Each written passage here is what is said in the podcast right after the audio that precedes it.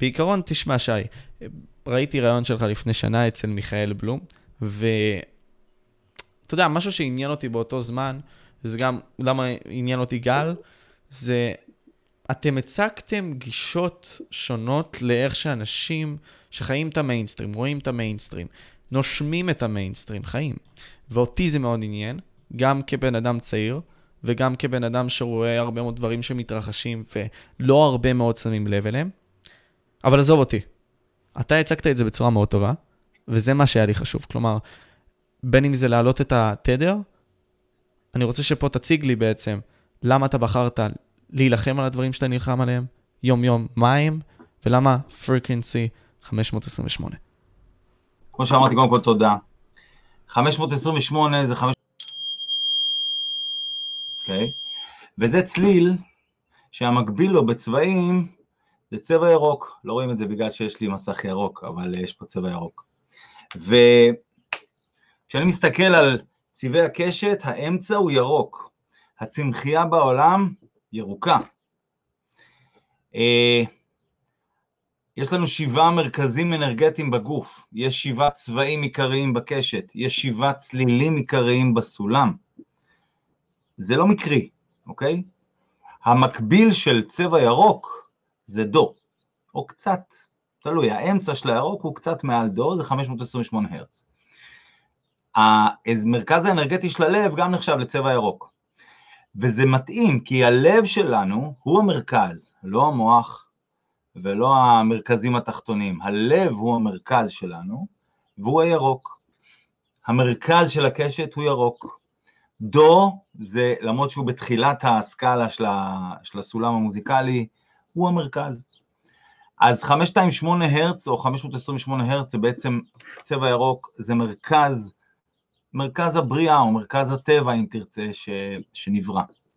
אה, וזה לא המצאה שלי, הלכתי אחרי דוקטור לן הורוביץ, למדתי ממנו הרבה ב-2008, 2009 וגם קצת אחרי. אה, והחלטתי לאמץ גם את אה, אהבה 528, כי זה בעצם תדר של אהבה, כי כל הבריאה נבראה באהבה ובחסד. ופתחתי אתר בעצם אהבה 528, מעלים את התדר, מעלים את התדר זה איזשהו סלוגן שהצטרף, אה, ומוכיח את עצמו שוב ושוב כמה הוא נכון, כמה הוא מדויק, ומעלים את התדר למי שככה שואל, לא מדובר פה דווקא על תדר XYZ, מדובר על משהו יותר עמוק מזה, ואני אסביר. כשאתה דובר אמת, כשאני דובר אמת, אז אני מרגיש את זה, אתה מרגיש את זה. ככל שאנחנו פוגשים את האמת יותר פעמים, אוקיי? זאת אומרת, יותר פעמים בדקה, או יותר פעמים בשנייה, או יותר פעמים ביום, אני בעצם מעלה את התדר שלי, כי יש לי יותר פעמים מפגש עם האמת. זה בעצם, מעלים את התדר, זה בשביל להיות כמה שיותר בקו רציף עם האמת. זאת אומרת, תחשוב שיש גרף, אוקיי? ואז יש לך קו אחד, אתה כבר לא רואה שזה קווים קטנים, זה צפוף כל כך, כי אתה כל הזמן דובר אמת. יש פה למעלה, אתה לא רואה את זה, אבל יש סור מרע עשה טוב, זה משפט כזה, זה חצי סור מרע עשה טוב, בקש שלום ורדפהו, כן? אז סור מרע עשה טוב, ככל שאתה יותר שר מרע ועושה טוב, אתה מעלה את התדר ואתה נצמד לאמת. וזה משהו שמבחינתי לקחתי לעצמי, אני לא אגיד כמשימת חיים, אבל אני מרגיש שזה סוג של אה, שליחות שלי אה, לעשות את מה שאני עושה. שאלת אותי למה אני בוחר אה, להילחם זה היה, או, או למה לקחתי דווקא את הנושאים האלה ש, שלקחתי, כן? ה, יש משהו, אני אתחיל מההתחלה. ב-2000, וסוג של התחלה, כן? ב-2008 הייתי בהודו, חייתי הרבה שנים בהודו. וב-2008 הייתי בדרום הודו, במקום שחייתי בו כמה שנים, למדתי שם מוזיקה הודית קלאסית, וזה היה off season, לא היו הרבה תיירים. ואז ראיתי איזה בחור בריטי והתחלתי לדבר איתו, אמרתי לו בוא נשתה קפה. הנה אני שותה קפה, אני אוהב את הקפה שלי, אני אוהב, אני אוהב לקלות אותו, אני אוהב לטחון אותו, אני אוהב קפה טעים וטרי ו... אני אקח שלוק. לך על זה. ואז ישבנו ודיברנו, ואז הוא אומר לי, תוך כדי שיחה, אני לא זוכר אפילו מה היה ההקשר, דיברנו על תעשיות המלח, תעשיות הסוכר, ואז הוא אומר לי, יש בסיס על הירח ומושבה על מאדים. ואני כאילו, what the fuck. עכשיו, זה לא היה what the fuck רק בגלל המידע הזה שהוא נתן לי, זה היה what the fuck, כי כמה שעות לפני זה, בלילה, קראתי ספר ריגול כזה של קג"ב, CIA, ספר משנות ה-70, מהמלחמה הקרה, מה שנקרא. ובספר, שנייה לפני שנרדם, בלילה לפני, באו לנשיא ארה"ב ואמרו לו, יש בסיס על הירח ומושבה על מאדים. וואו. הלכתי לישון, וכמה שעות אחרי זה אני פוגש בן אדם, ב-2008, הספר הוא משנות ה-70 או ה-80, כן. ב-2008 אני פוגש בן אדם ואומר לי, יש בסיס על הירח מושבה על מאדים. נכנסתי לחדר והראיתי לו את הספר, ואמרתי לו, תגיד, קראת את הספר הזה אולי? הוא אומר לי, לא, אבל זה די ידוע. אני אומר לו, מה זה ידוע? למי זה ידוע? אני לא יודע כלום. עכשיו, תבין, משה, כמה שהייתי אאוטסיידר, כי כבר הייתי בהודו, וויפאסנה, ומוזיקה הודית, וחייתי בג'ונגל, ואוקיי, יש את החברות של הודו, אז ממילא אני כבר קצת אאוטסיידר מהמיינסטרים הישראלי, כן? פתאום פגשתי מישהו שמביא לי עוד יותר מידע אקסטרים. אמרתי, וואלה, מעניין. אמר לי, תשמע, אתה תבדוק על זה, אתה תראה, אתה תגלה שזה ידוע. טוב, הוא הלך, אני נכנסתי ללפטופ שהיה לי, הבאתי איתי לפטופ בשביל תוכנות אה, מוזיקה וזה, לטבלה, להקליט מוזיקה הודית וזה. וחיברתי hard disk כזה למחשב, שקיבלתי מאיזה חברה, שביקשה ממני לצרוב, כי היה לי צורב DVD, לצרוב, לצרוב סרטים חדשים שהיו על ה hard disk הזה, שהיא קיבלה מחברים שלה. anyway, to make a long story short, חיברתי את ה hard disk, אני עושה double click, רק כדי לראות שזה מנגן, שמשהו מנגן. ונפתחת רשימה של מלא, אתה יודע, אקשן, דרמה, הוליווד, בוליווד, documentaries, musicals כאלה. לוחץ double click, מתחיל ההרצאה. אני מסתכל, מסתכל, לא מבין מה, זה הרצאה מ-2006. אומר המרצה, תוך שלוש דקות לתוך ההרצאה, יש בסיס על הריח ומושבה על מאדים. וואו. אתה מבין, הוואו הזה שאתה אומר עכשיו, זה כשאתה שומע סיפור. כשזה קורה לך, אין וואו. כשזה קורה, המוח שלי פתאום, זה כמו משפט זן. המוח לא יכול לקלוט את מה שקורה, הוא קטן מדי בשביל האירוע שמתרחש במרחב ובזמן. אותה פיסת מידע, הזויה ככל שתהיה, משלושה מקורות מידע שונים, משלושה זמנים שונים, פוגשת אותי בתוך שמונה שעות או עשר שעות, שמעתי את אותו דבר. המוח שלי פשוט פעם, פעם, פעם, פעם, ואני מסתכל על ההרצאה. שלוש שעות הרצאה. בכיתי, צחקתי, כעסתי, קיללתי, נגנבתי. אמרתי, מה זה הדבר הזה?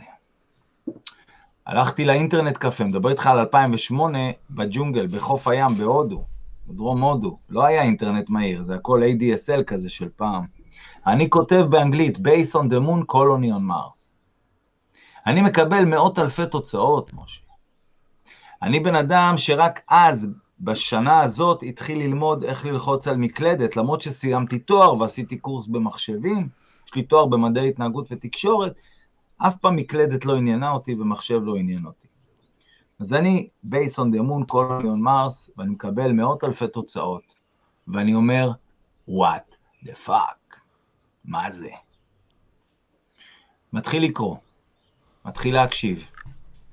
מתחיל להצליב מידע בין מה שאני מקשיב באוזניות, צופה, וקורא מסמכים. זאת אומרת, אני יותר מאזין להרצאות וקורא מסמכים, ואני קולט שאני עושה את זה בו זמנית. ותוך כדי זה שאני עושה את זה, וזה כמובן לא ביום אחד, ואני מצליב לי מידע ואני כותב על פתק מה שאני מבין ממה שאני שומע וממה שאני קורא, וזה שני נושאים שונים. אני יכול לשמוע הרצאה על פיזיקה, או על חוצנים לצורך העניין, אם יש דבר כזה בכלל, אבל אז עוד הסתכלתי על הדברים אחרת מהיום, ותוך, ואני יכול אה, לקרוא מסמך על כימיה, אוקיי? ואני מצליב את המידע הזה, ואני קולט שמשהו במוח שלי משתנה. משהו בצורת החשיבה, לא על מה אני חושב, אלא איך, איך אני, אני חושב. חושב. משהו שם מתחיל להשתנות. ואני אומר, רגע, לא ידעתי שאני מסוגל גם לשמוע, גם לקרוא, שני דברים שונים, ומצד שלישי, גם להבין מה אני שומע ומה אני קורא, ולהצליב את המידע ולכתוב לי על פתק. זאת אומרת, אני עושה שלוש פעולות בזמן אחד. לא ידעתי שאני מסוגל לעשות את זה, וקלטתי שמשהו במוח שלי משתדרג. שם בעצם צללתי לתוך מחילת הארנב, של מה שנקרא לימים קונספירציות, או תיאוריות קונספירציות. בסדר? נעזוב כרגע את הדיוק בנושא הזה. ויש מה לדייק. בחצי שנה הזאת, הייתי שם עכשיו, נגיד בתקופה ההיא חצי שנה, כל יום, זה היה הסדר יום שלי, קמתי, עשיתי קצת יוגה, עניינים, שתיתי קפה, צ'אי, whatever, יושב, מנגן טבלה, מתאמן איזה שעה, שעתיים, אוכל משהו, הולך לאינטרנט, ממשיך את החקירה, חוזר, מתאמן קצת, אוכל משהו, נח, הולך עוד פעם לאינטרנט, ממשיך את החקירה. ככה כמה שעות ביום אני חוקר. זה חצי שנה כזאת, אינטנסיבית, ב-2008, של חקירה ולימוד והצלבת מידע. לא מדבר איתך פה על לעשות את זה פה בארץ תוך כדי המרדף של החיים, קורונה, וכולם נאלצים, או הרבה נאלצים ללמוד את הדברים האלה בתקופה מאוד לחוצה ומאוד מאיימת ו- ו- ולא נעימה. אני בג'ונגל, בחוף הים, הכל טוב, אתה יודע, בלילה ג'ם סשן, מנגנים, חבר'ה וזה, אבל ביום אני מתאמן בכלי המוזיקה שלי, וחוקר ולומד וקורא ומקשיב ושומע ונגנב מכל מה שאני לומד. באותו זמן, מי שהיה איתי אמר לי, שי, מה קורה? תראה מה זה עושה לך. כי זה לא עושה טוב בהתחלה. כי אתה לומד על כוחות, כוחות שוק, או משפחות מלוכה, או תאגידים, או כתות, לא משנה כרגע מי, אבל אתה לומד שיש שם גופים בחוץ, עם קבוצות אנשים, שלא רוצים בטובתך, והם אלה שמניעים מהלכים מאוד גדולים בעולם, בשוק העולמי, בחברה, אה, אה, בחינוך, בתקשורת, במדיה, במדע, בצבא וכן הלאה. וזה משהו עולמי, אני לא מדבר כרגע רק על ישראל. וכשאתה קורא את הדברים האלה ולומד, אתה אומר, זה לא טוב. אני הבנתי כבר אז את התוכניות שלהם. וזה לא עושה טוב בהתחלה, כמו שקורה להרבה אנשים שבתקופת הקורונה למדו את הדברים האלה וזה בלבל אותם. אז למזלי, שוב הייתי בהודו על חוף הים, שנתי שנתי, מה שנקרא. כן. ו... ולא לא הייתי צריך לעבוד, ואתה יודע, לעשות את הדברים הרגילים של החיים, אז זה היה, התמזל מזלי, או שפר עליי גורלי, ולמדתי את הדברים כשהיה לי את הזמן ובקצב שלי. אבל עדיין ההשפעה לא הייתה כזאת טובה, ואנשים אמרו לי, תראה מה זה עושה לך, ואני בתוך תוכי ידעתי שזה לא נשאר לנצח, שזה יחלוף, שאני אעבור, אני אצלח את זה, אני אעבור דרך זה, וזה ישתנה, ודברים ישתנו, והיה ברור לי שזה לטובה. היה ברור לי שמה שאני לומד עכשיו זה הדבר הכי חשוב שאני לומד בחיים האלה, ושנולדתי בשביל ללמוד את הדברים האלה, ובשביל לגדול, לעבור בתוכם ולגדול מהם, ובעצם לגלות מי אני, מי הביא אותי לפה ולמה באתי לפה, מה המשימה שלי בחיים האלה. עברה חצי שנה, הגעתי לישראל. הייתי אצל אימא שלי באותו זמן, ושוב, באתי לשבוע מבחינתי, כי באותו זמן לא חייתי בישראל 12 שנה. וואו, למה? חייתי בהודו, הייתי גם נשוי, חייתי באנגליה, אה, אשתי הראשונה, ג'יין, אה, נהרגה בתאונת דרכים ב-2005. היינו יחד מ-98 עד 2005. חייתי הרבה שנים בהודו, עשיתי הרבה ויפאסנות, למדתי מוזיקה הודית, חייתי בג'ונגלים, היה לי אורח חיים אה, אחר, אתה יודע, חייתי עם הרבה נחשים מסביבי, ואתה חי, אתה, דברים שלאנשים נראים, וואו, אימא'לה וזה, אתה מתרגל אליהם ואתה קולט שנחשים אין להם עניין בך. הם רק, אין לאף אחד עניין להילחם באמת. זה או שהם רעבים אז צדים, ולא אותך, או שאתה מאיים עליהם אז הם מתוך הגנה עצמית, הם יכול, עלולים לתקוף, כן? אבל כשאתה לומד איך ללכת, איפה ללכת ולהיזהר, אתה יכול אה, לחיות ביחד בלי, בלי טאקלים. זה כמו כל דבר בחיים. מה? זה כמו כל דבר בחיים בעצם, אנחנו יכולים להיכנס מול הדובים הגדולים ולהילחם נכון. בהם, ויש מצב למות, כי הם גדולים יותר מאיתנו, או ללכת בשנטי בנטי ולהתחמק מהם, ולא לפגוע בהם.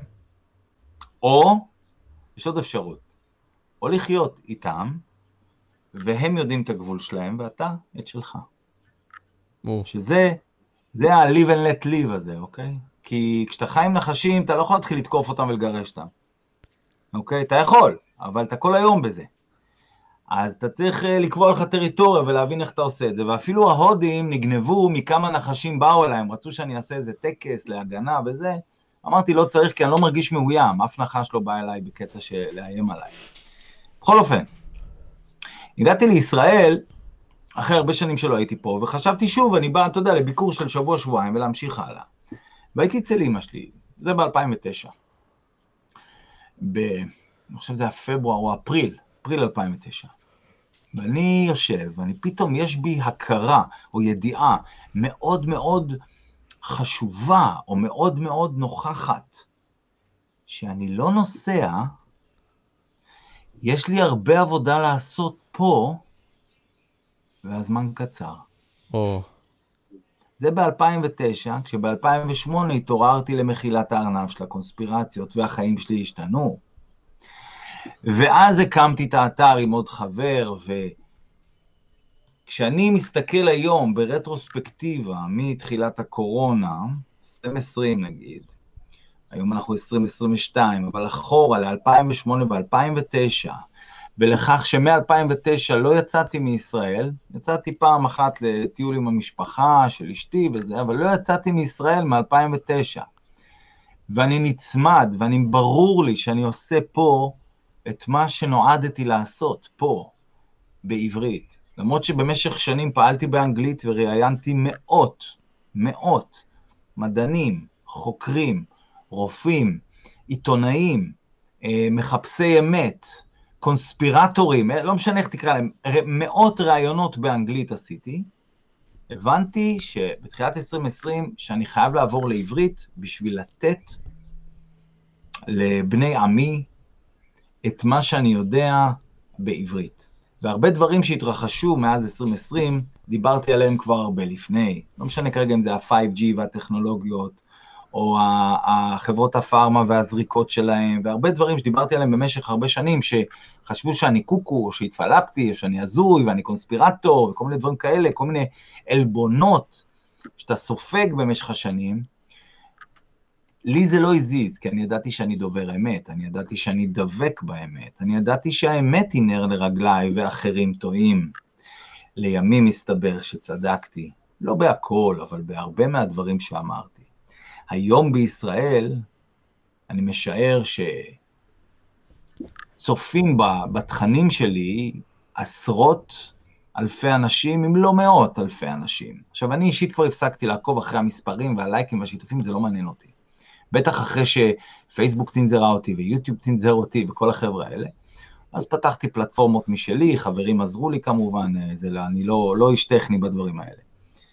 ובעצם נוצר מצב שהיום, אתה יודע, אם אני עושה fast forward להיום, אני ממלא את הייעוד שלי, מבלי לדעת אז שזה מה שנועדתי לעשות בפרק זמן הזה, ברור לי שכל מה שעשיתי ב-12-13 שנים האחרונות, על כל קשת החוויות, זאת אומרת, עשיתי פסטיבל צלילים מרפאים, קערות קריסטל, סיפרתי לאנשים על גיאומטריה, על מים, על היכולות שלהם, שתיתי זהב, שתיתי כסף, הרכב שלי נסע על מים, כל הדברים האלה עשיתי פה בישראל, אנשים לא האמינו לי שאני עושה אותם והוכחתי להם שהכל אמת. היום מסתכלים על העשייה שלי ועל דברים שאמרתי ב-12-13 שנים האלה, אומרים לי, שי, וואלה, סחטיין, שהתמדת, כי צדקת בהרבה ממה שאמרת. אז העניין הזה פה, אני רואה את זה גם אצלי. אני גם משתף טיפה, אה, ופה זה מעניין אותי גם, כי כשאתה מספר את הדברים, חושבים שאתה משוגע. כשהם כבר נמצאים בטראנס הזה, הם לא מבינים למה הם הכניסו את עצמם. אבל כשהם מסתכלים, אתה יודע, ברטרוספקטיב, הם אומרים, וואלה, צדקת. ועכשיו זה, זה כמו uh, WEF, ה-World Economic Forum, או בוא נקים עכשיו ממשלה אחת. זה דברים שאתה דיברת עליהם גם. דיברת עליהם. בכמויות. וזה לא רק זה, הרבה מאוד דברים. אז אני באמת מגיע לך הקרדיט הזה, ותודה רבה לך על זה. ואני חושב שעכשיו זה הזמן שלנו פשוט לחשוף את האנשים לדברים האלה. ואתה יודע, אתה עשית את זה, ואתה עושה את זה כל יום. אתה עוד מעט עולה לי לראיון. אז אתה יודע, הדבר שהכי עניין אותי, אם אתה לא סיימת את, הדבר, סיימת את הדברים שלך, מצטער, קטעתי אותך אחי, פשוט. תגרום, הכל טוב, אז הכל טוב. אני סגור. לעולם לא אסיים עד שאני אסיים, באמת. אז אני אגיד לך, אמ, הדבר שהכי מעניין אותי עכשיו זה הממשלה האחת העולמית הזאת. ואני הסתכלתי על זה ככה, בצורה לוגית, ופה תשלים אותי. אנחנו נמצאים באינטרנט. האינטרנט נותן לנו את האפשרות להתפרק מהמדינה. מה הכוונה? מדינת ישראל. אנחנו אמורים להיות מחוברים אליה לאומית. כלומר, הלאום שלי, אני אמור להתגאות בו. אך עכשיו אני מרגיש לפעמים יותר קרוב לבן אדם שהוא באמריקה. ועצם העובדה הזאתי, אין צורך במדינה שלי. המדינה שלי מחזיקה אותי יפה. אבל יש משהו אחר שיכול לקחת את המקום של המדינה. כי האינטרנט הוא מקום שהוא כמו מדינה. כי יש להם את החוקים, שלה. אז פה תסביר לי, מה אתה רואה בעצם באותה ממשלה עולמית? ואיזה איומים יכולים לבוא ממנה? אני אקח אבל רגע את הדוגמה שנתת. בוא נגיד אתה אוהב לגו, אוקיי? אוקיי, אז אתה יכול להיות... אה? אוקיי, סבבה, מגניב. או שאתה, יש לך, אתה אוהב איזה משחק אה, Xbox או PlayStation, בסדר? נגיד. נגיד. אתה משחק אה, Call of Duty או FIFA או whatever, אוקיי? עכשיו, אתה שם את המכשיר ואת עם השלט, אתה יכול לשחק עם יוני או עם, אה, עם אה, אילן או יוסי, או, אוקיי? אתה יכול לשחק גם עם ג'ון ועם שונג לי ועם אה, ופראבטה, אוקיי? לא, לא משנה מי אתה משחק, אתה יכול לשחק עם כולם בעולם דרך האינטרנט, נכון? אבל אתה, נגיד אתה משחק, אתה משחק, ואתה שקוע במשחק, ואתה אומר, וואלה, מתאים איזה משהו נשנש תוך כדי, כן? אמא, את יכולה לעשות לי, לא יודע, מצה עם שוקולד? סתם אני זורק, אוקיי? עכשיו, אתה תוך כדי משחק, או שאתה אוכל פתאום במבה וזה, זאת אומרת, אתה בעולם הגלובלי הזה, דרך האינטרנט, אבל אתה שומר על הזהות שלך, נכון או לא? אמת. אתה עדיין יודע מי אתה, ואתה עדיין מחובר גם לגוף. אם פתאום תוך כדי משחק יש לך פיפי, אתה אומר, גייז, כאילו, cover me, אני חוזר עוד שתי דקות. סבבה, אתה הולך, כי אתה קשוב לגוף שלך ויש לך אילוץ ואתה צריך לעשות משהו. או שאתה רעב, שאתה רוצה לנשנש ואתה אוכל את הבמבה או את המשהו, אתה עדיין קשור, יש לך זהות, ויש לך אישיות, ויש לך אופי, ויש לך מאפיינים וצרכים, והכל לגיטימי. גם זה וגם זה דרים בכפיפה אחת, אוקיי? אתה גם באינטרנט משחק עם כל מיני שחקנים בארץ ובעולם, באנגלית, בעברית, whatever, יש לכם שפה משותפת בתוך המשחק, אבל אתה גם שומר על עצמך ועל ה...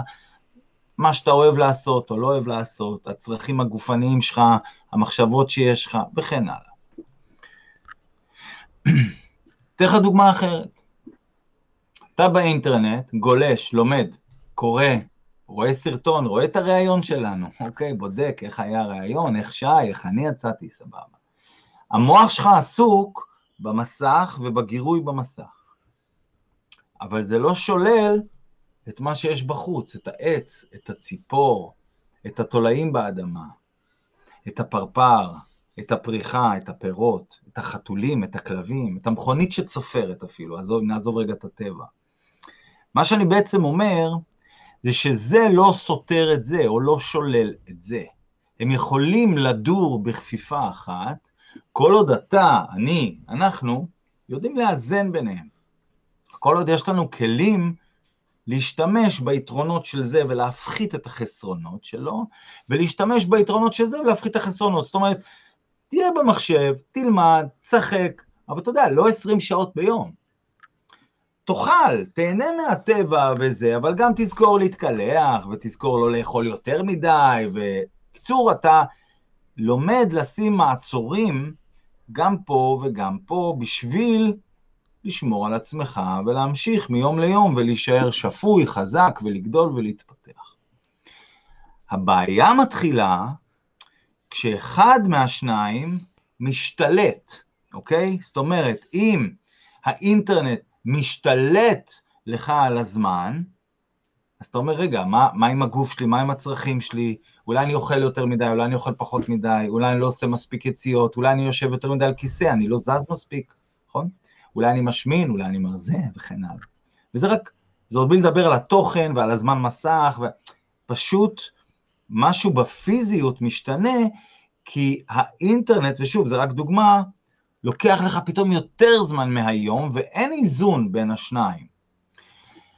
מה שקורה כרגע, אם אני עכשיו אעזוב את הדוגמאות האלה, ואני אקח רגע זום אאוט, ואני אלך לשאלה שלך, מה שקורה כרגע, אם עד היום היה איזשהו איזון, אפילו לכאורה, בין הריבונות של מדינה, לצורך העניין מדינת ישראל, בין הריבונות שלה על החברה, על השפה, התרבות, הגר והנוכרי שחיים כאן איתנו, הביטחון, שוב, לא הכל מושלם, אבל היה, היו גבולות, יש עדיין גבולות ברורים, איפה המדינה שלנו ואיפה מדינות אחרות, איפה התרבות שלנו ואיפה של אחרות, וכן הלאה וכן הלאה. היום הגבולות האלה גם מתחילים להיטשטש, כמו שאינטרנט מתחיל להיכנס לנו לחיים יותר ויותר, ולא רק אינטרנט, אני מדבר בכלל על טכנולוגיה, ואני לא נגד טכנולוגיה, אבל אני נגד ההשתלטות, אני נגד הכפייה של הטכנולוגיה. אז באותו אופן עכשיו כוחות מחוץ לישראל מתחילים לחדור לישראל ומטשטשים בכוונה תחילה את הגבולות האלה. עכשיו, טשטוש הגבולות נעשה באמצעים מאוד מאוד מחוכמים. לא מדובר כאן רק על הפורום הכלכלי העולמי, או האו"ם, או ארגון הבריאות העולמי, שרוצים להיכנס לפה. מדובר כאן על מדיה ישראלית שעובדת עבורם, מקבל, מקבלת כספים מהם. אתה היית יודע כמה פייזר, פרסמתי את זה לפני יומיים, כמה פייזר שילמו לקופות חולים, אני לא מדבר איתך בשנתיים האלה, עשר שנים, עשרים שנה, אוקיי, בעשרות השנים האחרונות, כמה פייזר, וזה בלי להזכיר מודרנה, אסטרזניקה, גלקסו, סמית'קליין וחברות אחרות, ג'ונסון אנד ג'ונסון. של החיסונים, כן, נכון. רק, רק פייזר. כמה כסף היא שפכה פה לכלי תקשורת, למכוני מחקר, לאוניברסיטאות, לקופות חולים, למשרד הבריאות, וכן הלאה וכן הלאה, היית מבין שמה שאני מדבר עליו, הגבולות האלה שמטשטשים, זו תוכנית שהחלה לפני הרבה מאוד שנים בשביל, זה כמו שאתה שם זרע, משקה, משקה, הוא גדל ואתה רוצה לקטוף את הפירות. אז כל אלה שהשקיעו, כל אלה מבחוץ, כל הפייזרים וה-World Economic Forum והביל גייטסים של העולם, כן? הם השקיעו במשך שנים, זה לא התחיל איתם, זה התחיל עם ההורים שלהם, אולי עם סבא וסבתא שלהם, אבל נגיד הם. השקיעו במשך שנים בשביל היום ובתקופה הקרובה להתחיל לקטוף את הפירות האלה. עכשיו, אם אני חוזר לדוגמה שאמרנו קודם, נגיד עם האקסבוקס, נגיד אתה משחק, ואני, בוא, אל תטעה, שנים שיחקתי אקסבוקס, יודע? כן. כאילו, אני בערך 50 היום, מה? מתי הספקת? תראה, משחקי מחשב, אני התחלתי, אני לא יודע אם אתה מכיר, היה פעם את הטניס הראשון, שזה שני, שני פסים. כן, זה זז ככה עם כדור. יפה, כן, כן. הכדור היה ריבוע, פופ, פופ. אני מראה את זה על המסך עכשיו, כן. אה, יפה. אז אני, זה היה המשחק הראשון שלי, ואז היה, אה, אני חושב, קומבט, לא יודע, של אתרי, וכל מיני דברים כאלה. אני שיחקתי בזה, ואז לארקייד, כל המשחקים וזה, כשהיית הולך למקומות ושם לא היה שקלים אז, היה היית קונה מטבעות מיוחדים נכון, כאלה, עם משחקיות. יפה, אז אני בינדר דן דאט, ואז התחילו משחקי מחשב, ומאוד אהבתי, Return to Castle, אה, איך קוראים לזה? וולפנשטיין, Return to אה. לא זוכר, משחק מאוד ידוע.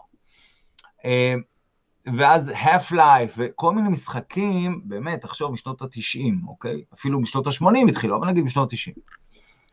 ואז שיצא האקסבוקס הראשון, אני הייתי באנגליה, אחי, שיחקתי אקסבוקס, הרבה. אני טוב באקסבוקס, ובגלל זה אני אומר פלייסטיישן זה, ל, אתה יודע, לילדים, אבל שאף אחד לא יעלב חלילה, כי תמיד יש את הדיון הזה מה יותר טוב, אקסבוקס או פלייסטיישן, אז אני מהחבר'ה של האקסבוקס, אבל באמת זה לא, זה לא הדיון. זה לא הדיון, כן. זה לא הדיון, אבל כשאתה משחק עכשיו משחק מחשב, אתה יודע, אתה אומר, טוב, יש לי עכשיו עד תשע, אחרי זה אני סוגר כי אני חייב לעשות עוד משהו ואז ללכת לישון. ופתאום אתה רואה שהגיע כבר 11, 11 וחצי, אתה עדיין בתוך המשחק, אתה אומר משהו לא בסדר, כאילו, אני כל כך רוצה לשחק משהו, זה ממכר, אוקיי? אז באופן די דומה, אתה לא משגיח, אתה לא שם לב איך הכוחות מבחוץ נכנסים בשביל להניע את האג'נדה שלהם. אקסבוקס מבחינתו רוצה שאתה תהיה על המסך כמה שיותר, כי הוא רוצה להחדיר לך מסרים, והוא רוצה להחדיר לך אולי פרסומות סמויות וכן הלאה, אוקיי? והוא רוצה שתסיים את המשחק מהר, ואז תלך תקנה חלק 2 וכדומה. אז בא, באותו אופן יש אג'נדה, יש תוכנית של כל מיני, שוב, חברות, ארגונים, תאגידים, שרוצים למצות את ההשקעה שלהם, רוצים לקטוף את הפירות שלהם.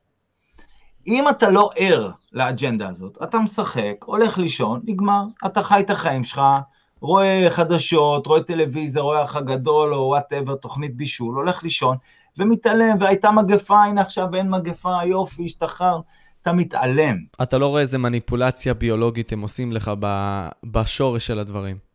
יפה, יפה. והמניפולציה הביולוגית, זה טוב שאמרת את זה ככה, כי המניפולציה הביולוגית הזאת, א', היא נעשית באמת באינטרנט, במשחקי מחשב. רשתות חברתיות. ה... בכל הרשתות, כל הטיק טוקים האלה, זה נורא. אתה יודע, יש חוקים היום בסין, שזו מדינה קומוניסטית, פשיסטית, שהם האחרונים שאכפת להם מהתושבים שלהם. בסין יצא חוק שילדים אסור להם להיות בטיקטוק יותר מ-20 דקות. וגם הטיקטוק שלהם שונה, כלומר, הטיקטוק שלהם משרת את השלטון עצמו, בעוד הטיקטוק שלנו רואה כמה בנות אה, עם החזה בחוץ. אבל אל תטעה, גם הטיקטוק שלנו משרת את השלטון.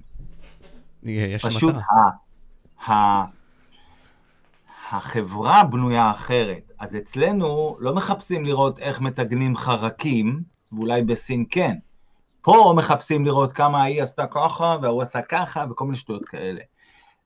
זה פשוט שוני חברתי, או שוני תרבותי, אבל אותם תאגידים שולטים גם באפליקציות האלה וגם באפליקציות האלה, שלא יהיה לך לרגע ספק, אוקיי?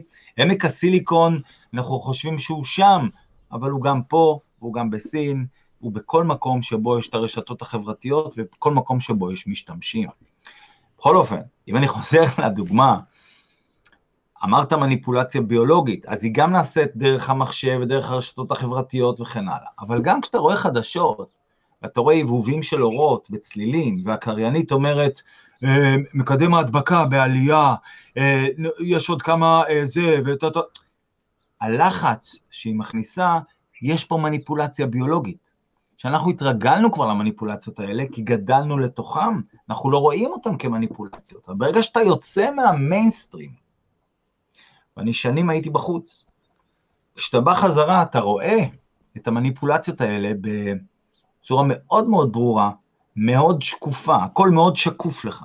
בטח אחרי שאתה לומד קצת על מה שנקרא קונספירציות, אתה לומד את השפה, סמלים, מילים שבהם הם משתמשים עליך, כדי להפיל אותך בפח, כדי לעשות עליך מניפולציה שכלית או ביולוגית, אתה מזהה את זה מיד ואתה פשוט לא נופל למלכודת הזאת. הבעיה היא שרוב האנשים כן, נופלים נופל. למלכודת הזאת, עדיין. מי שהתעורר בשנתיים האחרונות, ובוא נגיד קל לו הרבה יותר לראות את המלכודות האלה, והוא אפילו תופס את הראש ואומר, לא יאמן איך לא ראיתי את זה קודם. כי ככה זה. כשאתה בתוך סרט, כשאתה בסרט ואתה שקוע בסרט, אם אתה נגיד בקולנוע, עזוב את זה שאתה בבית או בטלפון, אם אתה בקולנוע, יש לך חושך וסאונד, ואתה מסך ענק, אתה שוכח, ואם כיבית את הטלפון, ואין לך שעון, אתה שוכח איפה אתה, אתה שוכח מה אתה עושה, אתה שוכח מעצמך, אתה כל כולך בסרט. ככה עובדת התעמולה, ככה עובדת התקשורת, ככה עובד הכישוף, שבאמצעותו החדירו לנו סיפור על מגפה. וזה רק סיפור, שלא יהיה לאף אחד פה ספק. זה לא אומר שאנשים לא מתו, זה לא אומר שאנשים לא חלו או נפגעו מכל מיני דברים. אבל מגפה לא הייתה. וירוס, וירוס, קוביד-19, אין בנמצא. אני אומר את זה שוב, כדי שלא אתה, אבל הקהל, הצופים יבינו. אני את מה שאני אומר, אני, אני תמיד משתדל לדבר עובדות. אני לפני למעלה מחצי שנה שלחתי מכתב למשרד הבריאות, תראו לי בבקשה הוכחה לבידוד וירוס ולכך שהוא מדבק. ההוכחה צריכה להיעשות בתנאים המחמירים של המדע, כפי ש... טק, טק, טק, טק, טק. ההוכחה להדבקה צריכה להיעשות בתנאים המחמירים של המדע, טק, טק, טק, טק. הגדרתי להם את זה בשפה מדעית. לא כתבתי את זה לבד, אבל זה היה כתוב לעילה ועילה, היה כתוב היטב. וביקשתי לא להראות לי בידוד בסימולציית מחשב. תראו לי בידוד במיקרוסקופ אלקטרוני. כדי להוכיח שווירוס אכן בודד מכל חומר אחר, לא עושים את זה במחשב. במחשב אתה יכול לעשות הכל. במחשב אתה גם יכול להראות נחיתה על הירח, אתה יכול להראות ירידה לאוקיין, אתה יכול להראות מה שאתה רוצה. במציאות אתה מוגבל יותר, ובשביל לבודד מה שהם קוראים לו וירוס, צריך לעשות את זה עם מיקרוסקופ אלקטרוני. התשובה שקיבלתי באיחור של חמישה חודשים, כי הם אמורים לספק תשובה תוך חודש וקיבלתי אותה אחרי חצי שנה, היא שבוצע בידוד במחשב, בסימולציית מחשב, כפי שנעשה בכל המדינות המתוקנות. לא בוצע בידוד במיקרוסקופ אלקטרוני. ההדבקה נראית שבמחשב יש הדבקה, אבל לא נראה הדבקה במקום אחר. אם אתה רוצה, אני אשלח לך את המסמך הזה, בשמחה, כל המסמכים אני אשים בתיאור, כל הדברים, גם בעיה. הכישורים לערוצים שלך אני אשים בתיאור. אז, אתה יודע, באותו אופן, אני, תראה, למרות שאני מעיד על עצמי, אני בלאגניסט, המוח שלי עובד בכמה כיוונים, אני יודע מה אני אומר, אני מסתמך על עובדות ומשתדל תמיד לדבוק באמת, אבל אני בלאגניסט, אני ברדקיסט, אני אוהב להתלהם, אני מתרגש, צועק וזה, אבל אני לא טמבל, סליחה, עם כל הכבוד. צריך לעבוד עם חוקי המשחק. כשאני כותב למשרד הבריאות מכתב, אני כותב את זה לפי צורת הכתיבה שלהם, ומבקש דבר מאוד פשוט על פי קנה מידה מדעי, לא על פי קנה מידה שלי. נכון. כשאני כותב מכתב לכל הרשויות בארץ ולכל השרים, אוקיי? על 5G ועל הסכנות של 5G, אני כותב את זה על סמך מידע מדעי, על סמך אלפי מחקרים. כשאני ניגש לבג"ץ על 5G, אני ניגש כמו שצריך לגשת לבג"ץ, לא איך שנראה לי. וביולי, ב-4 ביולי, ביום הולדת האמריקאי, אה, יש בג"ץ 5G, אוקיי? יש דיון בבית המשפט העליון על 5G, בג"ץ שהוגש לפני למעלה משנה, שנה וחצי בערך.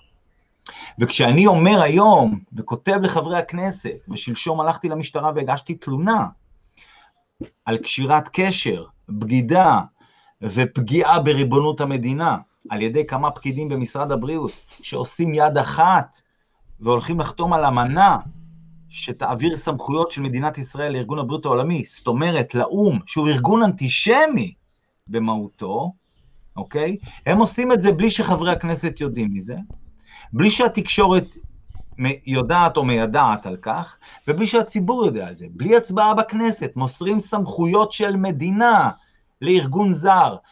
זה במילה אחת בגידה. העונש על בגידה הוא מוות או מאסר עולם. כתבתי את זה לחברי הכנסת שלשום בבוקר, הלכתי למשטרה להגיש תלונה, ואתמול אמרו לי שהתלונה הועברה למשטרה המחוזית. למה אני אומר את מה שאני אומר? כל אדם שטיפה חוקר וטיפה עוזב את הציניות והשיפוטיות והצורת חשיבה הרגילה שלימדו אותנו ואילפו אותנו לחשוב בה, ומסתכל על המציאות נכוחה ואומר, רגע, אחד ועוד אחד שווה שתיים, זה נכון, אבל יש כאן עוד חלקים במשוואה שלא אמרו לי, זה לא משוואה כזאת פשוטה, יש פה גם שורש וכפל ובריבוע ואלגוריתמים, אני צריך להבין את זה, כי הרבה דברים בסופו של דבר מכוונים להפיל אותי בפח, או לעשות עליי מניפולציה ביולוגית, אם תרצה. ואז, שוב, זו בחירה, מי שיש לו ילדים, מי שאכפת לו מאחרים, מי שאכפת לו מעצמו ומהחיים ומהבריאה ומהמתנה הנפלאה שניתנה לנו שנקראת חיים, okay. אוקיי. יכול לבחור לחקור ולגלות אמיתות שיהוו הפתעה גמורה, ובכל זאת יהיו אמת. אבל אתה מבין... האמת הזאת, החיים משתנים. אבל אתה מבין, שי, בקטע הזה. קודם כל, אם בין אם זה החדשות, נגיד אנשים סביבי רואים הרבה מאוד חדשות, אני כבר לא רואה שלוש, שלושה שנים, וגם אין לי, מחש... הטלוויזיה אני לא צופה בה, זה נטו לפודקאסט.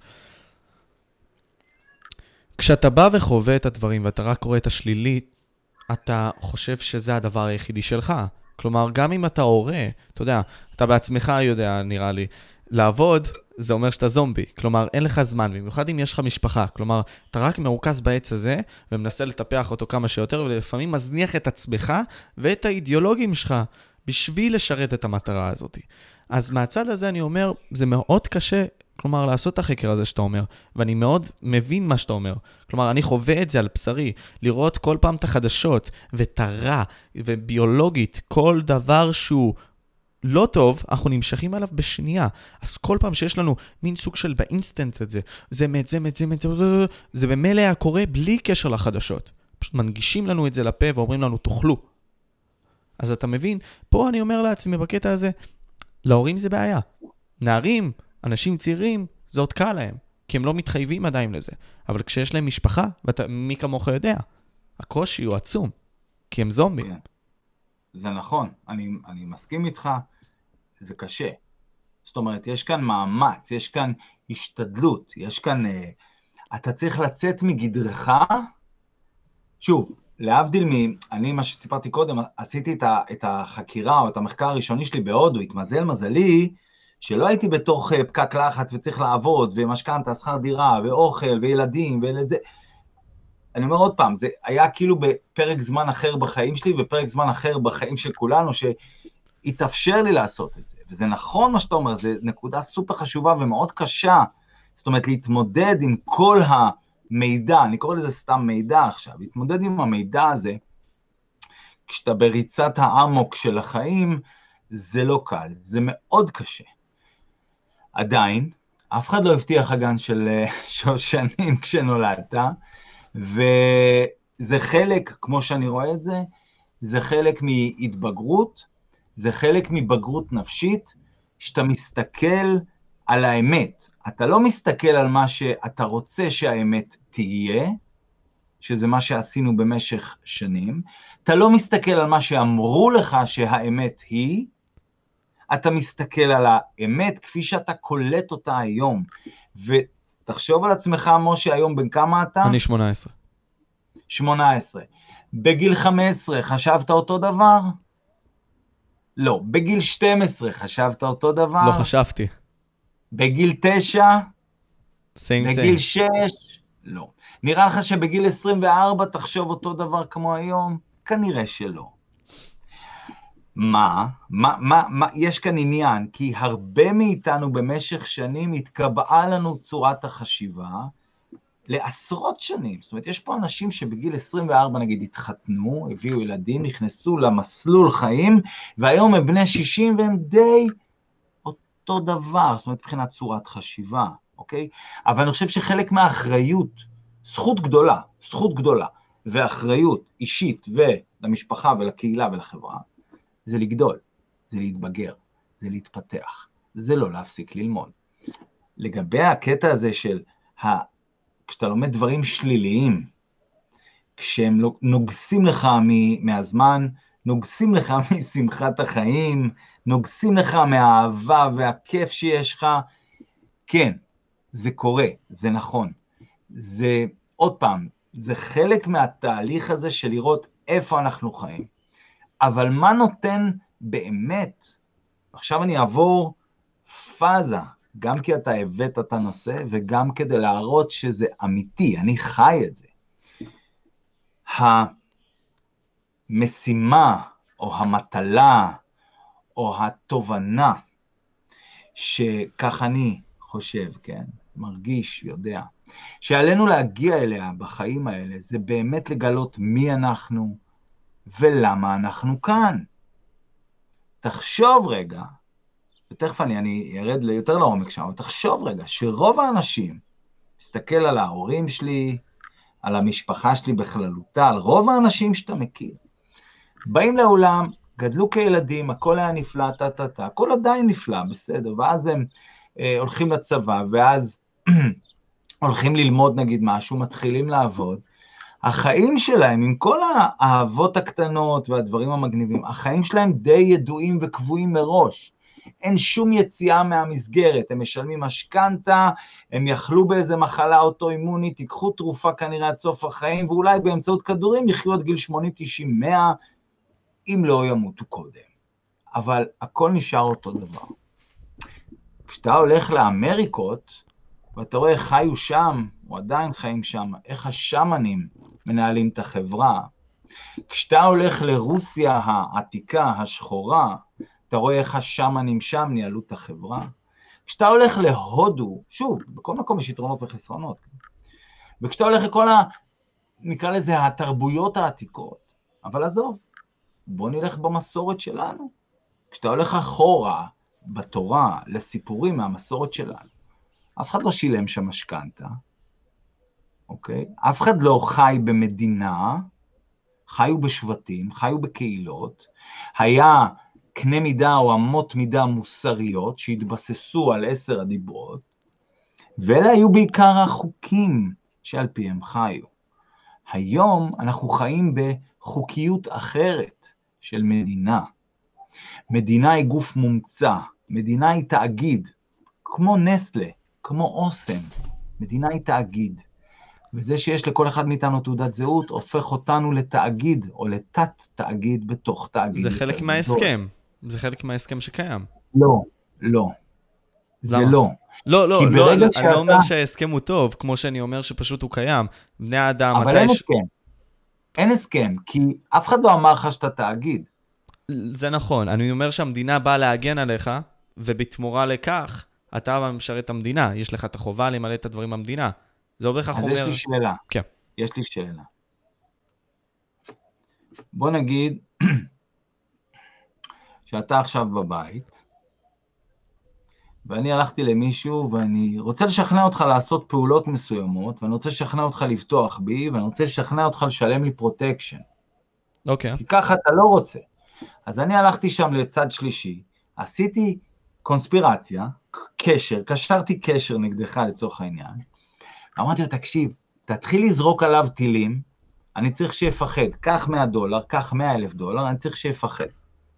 והוא מתחיל לזרוק עליך טילים, ואז אתה לא יודע איך להפסיק את זה, ואתה בא אליי ואומר, תקשיב, אולי תעזור לי, אמרתי, סבבה, תביא 100 אלף דולר, אני אעזור לך, אני אשמור עליך מהטילים, ואז אני הולך אליו ואומר לו, טוב, תרגיע, תוריד את הטילים, ואז אתה רואה שזה עובד, שאני מצליח זה כבר משהו אחר, זה כבר משהו אחר, אני מסכים איתך במאה אחוז, שהמדינה... זה מה שקורה פה, משה, משה, זה מה שקורה פה.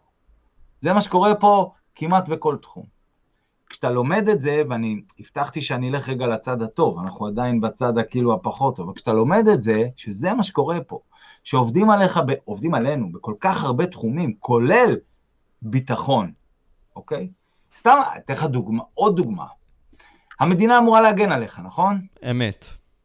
שלא יהיו טילים, נכון? כך, כח, ככל שפחות, ככה יותר טוב. יפה. מחייבים אותי, אם אני בונה בית, לבנות ממ"ד. נכון? ממ"ד עולה 100 אלף שקל. עכשיו, מחייבים אותי. למה מחייבים אותי? כי הם לא מצליחים להגן עליי מטילים. זאת אומרת, הם, את הצד שלהם בהסכם, בהנחה ויש הסכם כזה, הפרו. לא רק שהפרו, הם כופים עליי לבנות לעצמי איזושהי מערכת הגנה בגלל שהם פישלו בצד שלהם בהסכם והם לא מצליחים להגן עליהם מטילים, תבנה ממ"ד. לא הם יבנו לי ממ"ד, זה אחריות שלהם. אם יש הסכם, הרי זה אחריות שזה פשלה שלהם בצד שלהם בהסכם. אבל הם לא בונים לי את הממ"ד, הם מחייבים אותי, הם גם מחוקקים חוק ש... שאני מחויב לבנות את הממ"ד ולשלם עליו. אז אתה אומר שההסכם לא פייר, זה חשוב להבין את זה, כי אני, כשאנחנו מבסיס, באים ועושים את הבסיס. ההסכם, ההסכם הוא הונאה.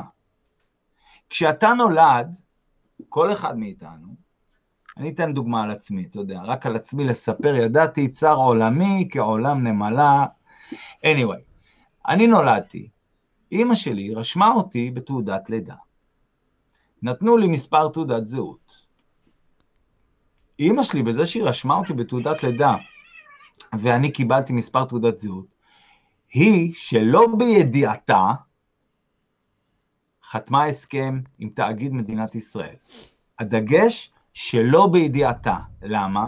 כי אז אין הסכם, זו הונאה. Mm. זאת אומרת, כשצד אחד בהסכם לא יודע בכלל שהוא חתם על הסכם ומה המשמעות של ההסכם, זה אומר שהונו אותו לחתום על הסכם ללא ידיעתו, ללא באמת הסכמה מדעת. זאת אומרת, לא ידעו אותו על החסרונות בהסכם, ממה ההסכם מורכב, מה המשמעויות של ההסכם לכל שנות חייו של הילד שילדת. עכשיו, הילד, אימא שלי ילדה, לא משרד הרבייה, לא, או משרד הפרו לא משרד הבריאות, לא תאגיד מדינת ישראל. אימא שלי ילדה, אימא שלי הניקה, אימא שלי הכינה ארוחת בוקר, אימא שלי עשתה שוקו, נכון או לא? אמת. זה, זה ההסכם ביני לבין אימא שלי, הלא כתוב, אבל זה הסכם שהוא מדורי דורות, עוד לפני היות המדינה. מה קרה? היא רשמה, והתעודת זהות הזאת היא מספר תאגיד. תראה, אני אראה לך פה, שנייה, אני אראה לך פה. כביש 6. כביש 6. אתה רואה מה כתוב? מספר זהות סלאש תאגיד? נכון. יפה. מספר זהות הוא מספר תאגיד, שאף אחד לא יעבוד עליך. עכשיו, ברגע ש... ברגע ש... ברגע שאני תאגיד, חוקים תאגידיים חלים עליי. ללא ידיעתי, ללא ידיעת אימא שלי. שנייה, ברשותך. ברגע שאני, אני אדם חי, אני נבראתי בצלם אלוקים, אבל כשנולדתי רשמו לי מספר זהות, שהוא מספר תאגיד. אימא שלי לא ידעה מה היא עושה, הונו אותה לחתום על הסכם ללא ידיעה על מה היא חותמת. ואז בעצם חוקים תאגידיים חלים עליי, אתה מבין? Mm-hmm. ואז אפשר לבוא נגיד, ולהגיד לי, לא חני, חנית במקום לא טוב, תשלם 100 שקל. עברת עבירה. אבל עבירה זה לא פשע. פשע יש קורבן. בסדר? נכון. בעבירה אין קורבן. עכשיו, בגלל שלא פגעתי באף אחד, ולא פגעתי באף אדם, ולא באף רכוש, עברתי עבירה של תאגיד. אממה, אני אראה רגע משהו על המסך, זה יהיה לך יפה. לך על זה. תראה. מצד שמאל יש man, אדם חי, מצד ימין יש person באנגלית, שזה תאגיד, אוקיי? האדם הוא אדם חי. התאגיד נקרא איש קש, הוא לא אמיתי. האדם נוצר על ידי הבורא. התאגיד הומצא על ידי האדם. האדם הוא תלת-ממדי, התאגיד הוא דו-ממדי. האדם הוא נפש, גוף ורוח. התאגיד הוא רק על הנייר, הוא רק עם נייר ודיו. האדם נקרא, נקרא בשם פרטי, שי, משה. התאגיד מזוהה לפי מספר, הרגע דיברנו על זה. לאדם יש חופש בחירה לבחור תחום שיפוט, אני רוצה להיות תחת ממשלה או תחת החוק הטבעי. התאגיד כפוף לסמכות השיפוט שהמציאה אותו. האדם יש לו זכויות רבות. לתאגיד יש הרשאות, אין לו זכויות. לאדם, האדם הוא מוחשי, התאגיד הוא לא מוחשי. האדם הוא אמיתי, התאגיד הוא דמיוני. לאדם יש קול ולתאגיד אין קול, והוא תמיד דומם. זה על קצה המזלג ההבדל בין אדם חי ותאגיד. עכשיו, רוב האנשים יגידו, טוב, אם לא יהיה חוקים כמו אסור לכלב שלך לעשות פה קקי, או אסור לחנות וזה, אז יהיה פה כאוס. מה אתה רוצה, אנרכיה? קודם כל, רוב האנשים לא יודעים מה זה אנרכיה, הם חושבים שאנרכיה זה כאוס. אנרכיה זה שלטון הרמוני, או חיים הרמוניים ללא שלטון. זה אנרכיה בהגדרה המילונית, זה לא כאוס, אוקיי? אבל כדי לחשוב, כדי לגרום לנו לחשוב שאנרכיה זה כאוס, אז לימדו אותנו שאנרכיה זה כאוס, אבל זה פשוט לא נכון. לא בהכרח יהיה כאוס, עשויה להיות הרמוניה, אבל לא רוצים שנדע שעשויה להיות הרמוניה, אז משכנעים אותנו שאם לא נשמור על הכללים והחוקים, יהיה כאוס. עכשיו יש לי שאלה אליך. סגור. מי נתן לך את הנשימה? בורא עולם, אם אנחנו ניקח את זה ככה. מי שהגדיר את חוקי המשחק למי שלא מאמין באלוהים. יפה. זאת אומרת, אפשר להגיד שאלוהים, אפשר להגיד שהטבע, אוקיי? בוא, בוא נגיד מי שלא מאמין באלוהים, אוקיי, אני נזרום. אפשר להגיד שהטבע, אני לא יודע, מאז ומעולם נשמתי. מאז שנולדתי, נשמתי, נכון? נכון. יפה. בא, בא תאגיד ואומר לך, תסגור את הנשימה שלך. זה נראה לך סביר? זה בסדר אם תגיד גם שכן, כי יש מגפה, כי יש... זה בסדר, אני, אני מתקדם פה רגע צעד צעד. אוקיי, אוקיי. נניח לדוגמה הספציפית הזאת, אם זה לטובת, לטובת אחרים, ובאמת יש מידע אמיתי על זה, על זה שאם אני אעצור קצת פחות אנשים, אני אנשום 70 אחוז לטובת האחרים, שהם יהיו בחברה שלי, אוקיי. למה לא? אוקיי, זה מעניין. מה לא, אבל. אבל, אבל יש הבדל בין לעטות את המסכות שלא באמת מגינות עליך, לבין מה כן. שאמרתי עכשיו, לדעתי. כן, אז מעניין, כי אני ממליץ לך לראות את הרעיון שעשיתי היום, כי אתה, זה מעניין, אתה אמרת לטובת אחרים, לא אמרת לטובתך, אמרת לטובת אחרים, ואני דיברתי על הדבר הזה בריאיון היום עם אה, סינדי, סינדי ניילס מאוסטרליה, אישה מאוד ערה וחדה, אה, ודיברנו גם על זה, ועל איך, איך גורמים לנו לחשוב שאנחנו צריכים לפעול לסגור לעצמנו את הנשימה, לכלוא את עצמנו בבית, לא ללכת לבקר את סבא וסבתא, לא לעשות כל מיני דברים טריוויאליים, שתמיד עשינו, בשביל אחרים. זאת אומרת, לא ללכת לסבא וסבתא בשביל לשמור עליהם, נכון או לא? אני לשים לא- את המסכה, לא רק...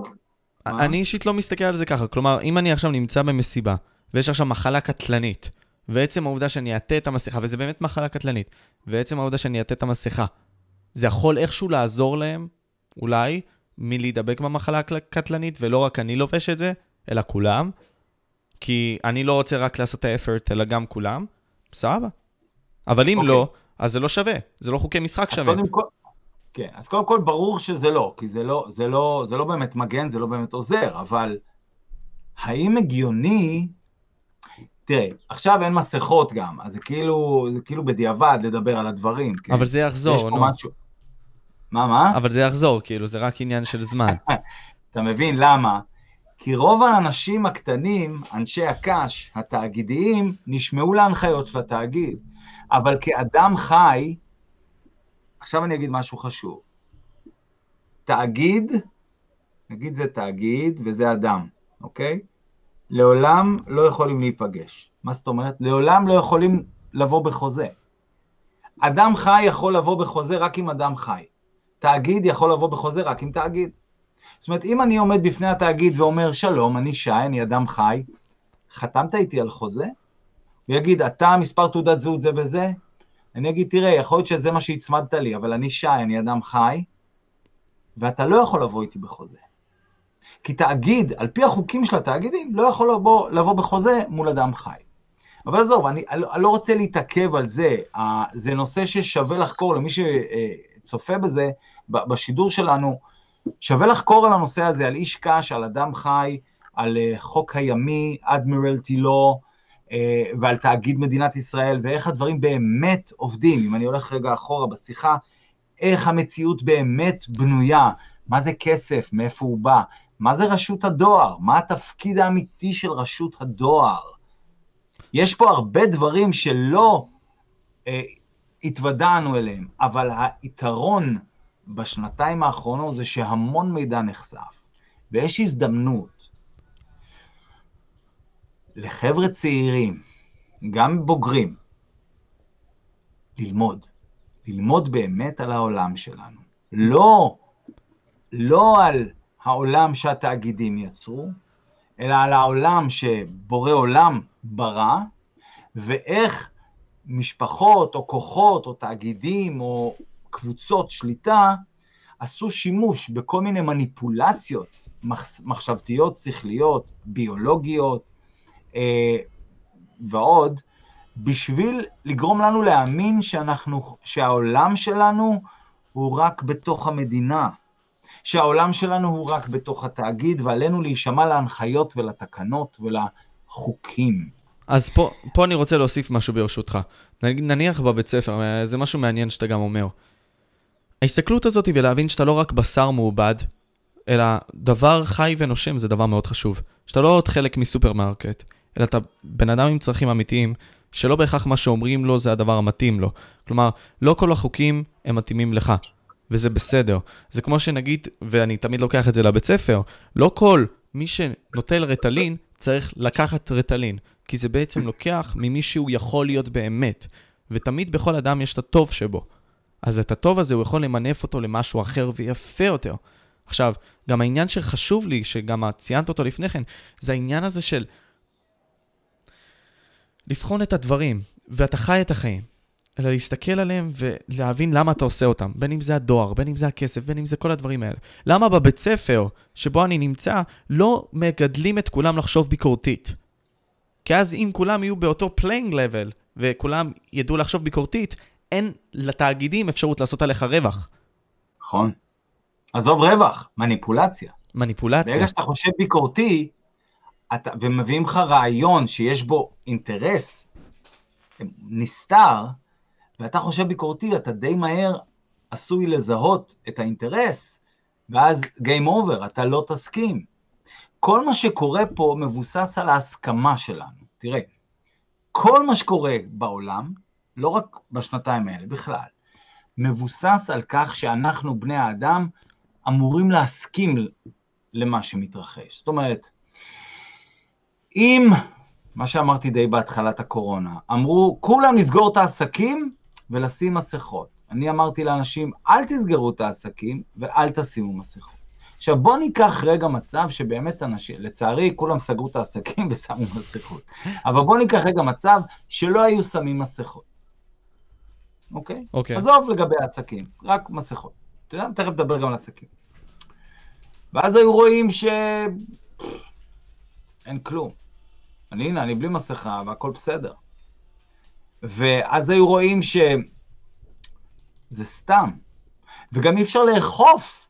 כשיש לך בחוץ מיליוני אנשים הולכים רגיל, בלי מסכות, מאיפה תביא פקחים לאכוף או לתת קנסות? כמה קנסות אתה יכול לתת? אתה יכול לרדוף אחרי 1, 2, 3, אבל כולם עכשיו בלי מסכות. בוא נגיד, כולם היו פותחים את העסקים. מה, היו נותנים לכולם דוחות? לא. אי אפשר. אנחנו אלה שקובעים את המציאות באמצעות ההסכמה שלנו ל-X או אי ההסכמה שלנו ל-X. לכן המניפולציה המחשבתית או התודעתית שמבצעים עלינו היא שם המשחק. ברגע שאנחנו מסכימים מרצוננו לעשות משהו, למשל, בוא נמחזר כדי לשמור על העולם.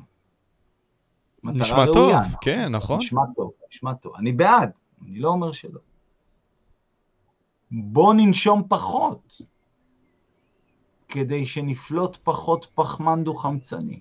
לא, לא הגיוני. נשמע, נשמע כבר פחות טוב, נכון? אבל תבין שכל השמירה על העולם היא בגלל פחמן דו-חמצני. אתה יודע מה? בוא אני אראה לך משהו. רוצה לראות משהו מגניב? אני רוצה לראות משהו מגניב. אני כבר אמצא, הראיתי את זה היום, ב... הראיתי את זה היום בשידור. תן לי רגע למצוא את זה. מה, מה? לא, בכללי, אני, אני חושב פשוט על הדברים האלה ואני אומר לעצמי, בסופו של יום אנחנו בחרנו שגם לא יהיה לנו free will. הכוונה היא, יש לנו, לדעתי, יש לנו את יכולת הבחירה לעשות משהו בחיים האלה, אבל בחרנו עם כל התאגידים ועם כל הדברים שבנינו לעצמנו מערכות שלא תהיה לנו. כלומר, הפריצה mm-hmm. לביולוגיה הבסיסית קורית כי אנחנו גרמנו לזה להיות כך. ובין אם זה פרסומת ובין אם זה גם uh, כל שאר הדברים, פייסבוק, uh, וואטאבר. זה שנתנו לעצמנו להיות מנותחים, יש לזה את הצד הטוב והרע. ובהרבה מאוד מהמקרים נסתכל על סטטיסטיקה, לאן הם לקחו את זה. יכולה לקחת את האנשים והמספרים שלהם. זה משהו גם לחשוב עליו לדעתי. אה, כן, לגיטימי. תראה, אני... רגע, עכשיו אני לא... קשה multitasking, כן, כן, כן. ניסיתי פשוט לעזור לי. תמלא, תמלא. כן, אז, אז זה למה אני אומר פשוט ש... אם אני אסתכל על זה ככה, ואני מאוד מסכים איתך, מבחינה פונדמנטלית, הבחירה תמיד ניתנת בידך. כלומר, אתה יכול גם לבחור מחר למות ולהיעלם מן העולם, הבחירה בידך, אבל גם יכולים להנדס ככה שהבחירה לא תהיה בידך, למען המטרה הנכונה. נכון. ואולי המטרה נכון. הנכונה היא בשביל ש... לא יודע מה, אלוהים יעזור לך בעולם הבא. או וואטאבר, כל דבר שאתה לא יכול גם לתפוס אולי, פיזית. זה, זה בעיקרון המתודה הזאת מגיעה משנות ה-60. הספר עצמו נכתב, אני חושב, בשנות ה-80, אני לא טועה, או שנות ה-70. אבל זה מגיע משנות ה-60, כל הרעיון. In searching for a common enemy against whom we can unite, בוא נעצור פה רגע, בחיפוש אחר אויב נגדו נוכל להתאחד. למה? מי רוצה לחפש אויב? אויב לב, משותף. כן, אבל למה, למה, למה לא להתאחד מאהבה? למה לחפש אויב בשביל להתאחד מולו? אתה, אתה מבין? יש פה, יש פה איזה משהו בעייתי בניסוח, אבל in searching for a common enemy against whom we can unite, we came up with the idea. העלינו את הרעיון. זאת אומרת, חיפשנו אויב משותף, ואז מצאנו, במחשבה שלנו, מצאנו את האויב המשותף. אה, שפולושן, זיהום, the threat of global warming, האיום של התחממות גלובלית, water shortages, כאילו מחסור במים, famine, בצורות, and the like, ודברים דומים, would fit the bill, יעשו את העבודה. In their totality, בטוטליות שלהם, and their interactions, ובאינטראקציות שלהם, these phenomena, ה- התופעות האלה, do constitute a common threat, אכן מהוות אויב משותף, או איום משותף, which must be confronted by everyone together, שכולנו צריכים ביחד אה, ל- להתמודד איתו. But in designating these dangers as the enemy, אבל ב- בלהציב אה, למטרה כאילו את הסכנות האלה כאויב, we fall into the trap, אנחנו נופלים למלכודת, which we have already warned readers about, שהזהרנו כבר את, הקור, את הקוראים לגביה. namely, mistaking symptoms for causes. כלומר, אה, להחליף את הסיבה ב- בתוצאה, אוקיי? או בסימפטום, סליחה. All these dangers are caused by human intervention. כל הסכנות האלה נגרמות על ידי התערבות אנושית in natural processes, בתהליכים טבעיים. And it is only through, תקשיב טוב, it is only through changed attitudes and behavior, זה רק דרך שינוי גישה והתנהגות, that they can be overcome, שאפשר להתגבר עליהם. The real enemy then is humanity itself. האויב האמיתי הוא לא התחממות גלובלית, הוא לא בצורת, הוא לא מחסור במים, הוא בני אדם. זה מועדון רומא.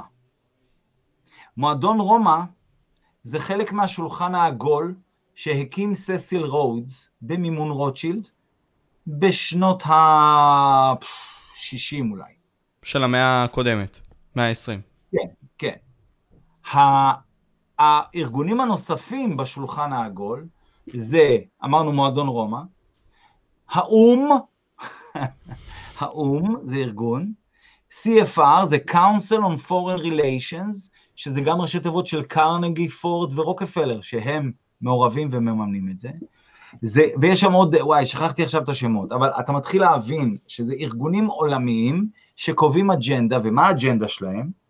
הם מחפשים אויב משותף שנגדו אפשר לאחד את כולם, והם מצאו את האויב הזה באחד הרעיונות שהם עלו עליו, והאויב הזה הוא האנושות. עכשיו, כשאתה מסתכל על זה, כשאתה מסתכל על זה וקורא את זה, אז אתה יכול לקרוא את זה בקטע מגניב, אבל אתה יכול לקרוא את זה בחשיבה ביקורתית, ואתה אומר, מה קורה פה? מה קורה פה? מה הם בעצם אומרים לי? הם אומרים לי שאני האויב. נתתי קודם את הדוגמה שאם אני אנשום פחות, אז אני אעזור לעולם, נכון או לא? נכון. אתה יודע, כל האנשים, כל האנשים שאומרים, כמו יובל נוח הררי, וסעד גורו שהיה עכשיו בישראל, וטד טרנר, וביל גייטס, כל מיני אנשים שאומרים, יש יותר מדי אנשים בעולם, צריך להפחית את כמות האנשים. אתה יודע מה אני אומר להם? מה אתה אומר להם? למה אתם לא מתחילים מעצמכם? אם אתם חושבים שיש יותר מדי אנשים בעולם, יותר מדי נושמים, אולי תעשו לכולנו טובה, וקודם כל לעצמכם, ותפסיקו לנשום. נראה אתכם, תשמשו דוגמה, תראו לנו איך עושים את זה. במקום להמציא שיטות איך להביא פחות ילדים לעולם, איך לדלל או לצמצם אוכלוסייה, איך לשלוט באוכלוסייה, אולי פשוט תתנדפו מהעולם בעצמכם. תראו לנו, תהוו דוגמה, תהיו השראה ותתאבדו. כי הם שואפים לשם, לצמצם את האוכלוסייה. זאת אומרת, מבחינתם, אתה תחיה והוא ימות. אתה רק מספר מבחינת- במשוואה הזאת שנקראת החיים. מה, מה? אתה רק עוד מספר במשוואה הזאת שנקראת החיים. נכון. ו- ואתה יודע, ב- להזכיר לך, במלחמת העולם השנייה, מה שנקרא טוהר הגזע מגיע ממדע, מדע עלק, בשם האוגניקה. והמדע הזה אומר, מדבר על טוהר הגזע. זאת אומרת, מי שנכה, מפגר, שחור, יהודי, צועני, אין לו זכות חיים. מי שכן יש לו זכות חיים, בו צריך להשקיע. את השאר צריך לסלק. וכל מה שאמרתי עכשיו, רצחו אותם. זאת אומרת, בעיקר אולי יהודים, אבל רצחו גם צוענים ושחורים, ו... אוקיי, חולים ופגועים ומפגרים וכל מיני אנשים בעלי מוגבלויות. רצחו אותם כי מבחינתם הם לא נחוצים, הם useless eaters. useless אוקיי? class. useless class, useless eaters. עכשיו תראה, אל תבין לא נכון, משה, כל מה שאני אומר זה בגלל, או בוא נגיד אחרת, כל מה שהם עושים נגד בני אדם, האויב, הם הגדירו אותה, את בן האדם כאויב, אוקיי? נכון. אז כל הפעולות שלהם נגד בני אדם נובעות בעצם... התחבא לך מצלמה. מה, מה? התחבא, אה, אוקיי. לא, אני פה דווקא. סגור. כל הפעולות שלהם נגד בני אדם נובעות מקנאה. קנאה בבני אדם, והרצון שלהם, אני אגיד עכשיו משהו מוזר, סליחה, אבל ככל שחולף הזמן אני מוצא שהוא יותר ויותר נכון, וזה לא שאני מתחזק במובן הרגיל של המילה, אבל חשוב להבין משהו, ואני אומר את זה לקהל שלך, כי חשוב שיותר ויותר אנשים ידעו את זה בטח היום. בורא עולם, הקדוש ברוך הוא, יצר בריאה מדהימה, מושלמת. גם אם נראה לנו שהיא לא מושלמת, מושלמת. אוקיי? מהאות הכי קטנה ועד המשפט הכי ארוך, מהזרע הקטן של כל עץ ועד היבשות והימים והשמיים והרקיע והשמש והכל מושלם. אוקיי? יש בהיסטוריה של הבריאה קבוצה של ישויות שהיא מתחילה בנחש, לצורך העניין, ולהזכירך, הנחש דיבר עם חווה, והעונש שלו היה לזחול על הגחון כל ימי חייו. זאת אומרת, כשהוא בא ודיבר עם חווה, הוא לא זחל. איתי? אתה מכיר נחש לא זוחל, מדבר? לא. יכול להיות שהנחש שמסופר אז, בהנחה ומה שכתוב נכון, כן? יכול, ואגב, בערך חצי עולם מאמין שזה נכון, כן? בערך שלושה, ארבעה מיליארד מאמינים שמה שכתוב בתורה נכון, אז אני אלך רגע לפי חוכמת ההמונים, ברשותך. האם יכול להיות שהנחש הוא לא בדיוק נחש כמו שאנחנו מכירים נחש? יכול מאוד להיות. מדובר על, מדובר על יצור אחר, שידע לדבר, הכיר את אלוהים, חווה ואדם הכירו אותו ברמה כזאת שחווה הקשיבה לו והאמינה לו, וידעה שהוא יודע דברים שהם בעצמם לא יודעים. זאת אומרת, נתנו לו כבוד. והוא היה מספיק ערמומי בשביל לגרום לחווה לעשות א', ב', ג', לאכול מהפרי, והוא גם לא, הוא לא זחל, זאת אומרת, הוא הלך או על שתיים, או על ארבע, או על שמונה, לא משנה, אבל הוא לא זחל. ואז העונש שלו היה לזחול על הגחון. מדובר כאן על חיה מאוד ערמומית, מאוד מתוחכמת, שהיא לא נחש במובן, במובן הרגיל שאנחנו מכירים נחש.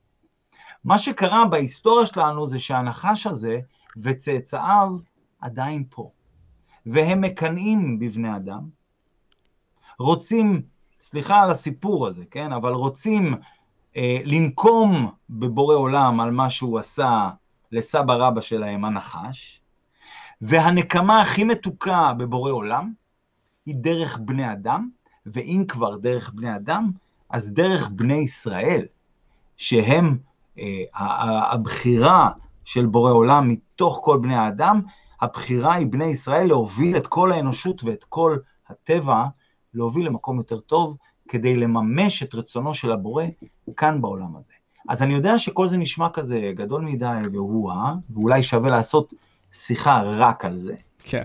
אבל חשוב להבין, חשוב להבין, ובזה אולי אני, אני אסיים ואני אתן לך גם לדבר קצת, חשוב להבין שאנחנו במלחמה רוחנית, והיא נפלאה, כי אנחנו מגלים על עצמנו דברים, עוד פעם, אני מזכיר לך, מי אני ולמה באתי לפה?